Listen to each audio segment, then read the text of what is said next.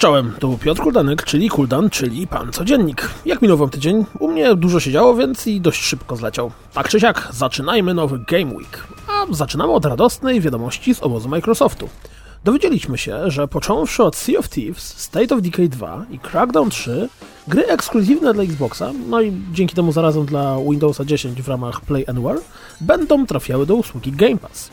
Jeśli nie słyszeliście o Game Passie, to taki Netflix z grami. Za 29 zł miesięcznie dostajemy dostęp do szerokiej biblioteki różnych tytułów. Od teraz również do Exu w dniu premiery. Warto dodać, że ma to dotyczyć również kolejnych premier, a nie tylko tych trzech gier. Co więcej, w przypadku gier obsługujących Play Anywhere zagramy w nie również na PC z Windowsem 10. Pojawił się nowy zwiastun God of War.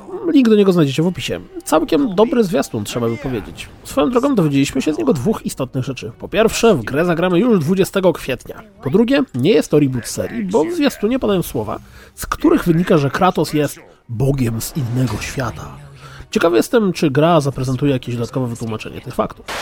Dowiedzieliśmy się, w jakie gry zagramy w ramach usługi Games with Gold w lutym. W przypadku Xbox One między 1 a 28 lutego będziemy mogli zagrać dopisać sobie do biblioteki, jak robi to większość z nas, w Shadow Warrior. A od 16 lutego do 15 marca będzie to Assassin's Creed Chronicles India. Natomiast na Xboxie 360 od 1 do 15 lutego będzie dostępny Split Second, a od 16 do 28 lutego Crazy Taxi.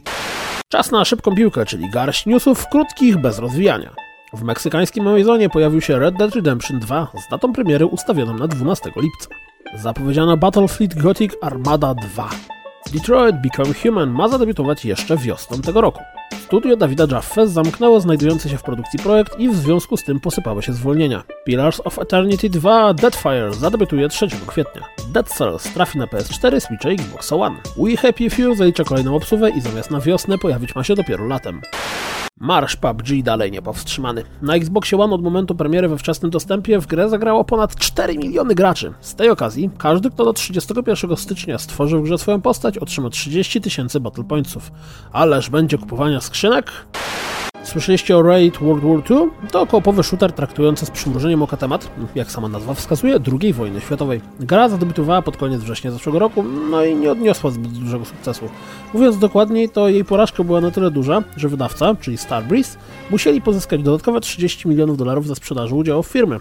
A będą te pieniądze potrzebne na produkcję Payday 3 oraz Overkill The Walking Dead. Na koniec najświeższe dowody na to, że gry jako usługi mają się dobrze. For Honor w ramach piątego sezonu dostaną dedykowane serwery. Ghost Recon Wildlands, a właściwie to wieloosobowy Ghost War, dostanie nowy tryb gry, polegający na odbijaniu zakładników. A dla odmiany Rainbow Six Siege w ramach rozpoczęcia nowego roku rozgrywek doczeka się wydarzenia związanego z tajemniczą epidemią.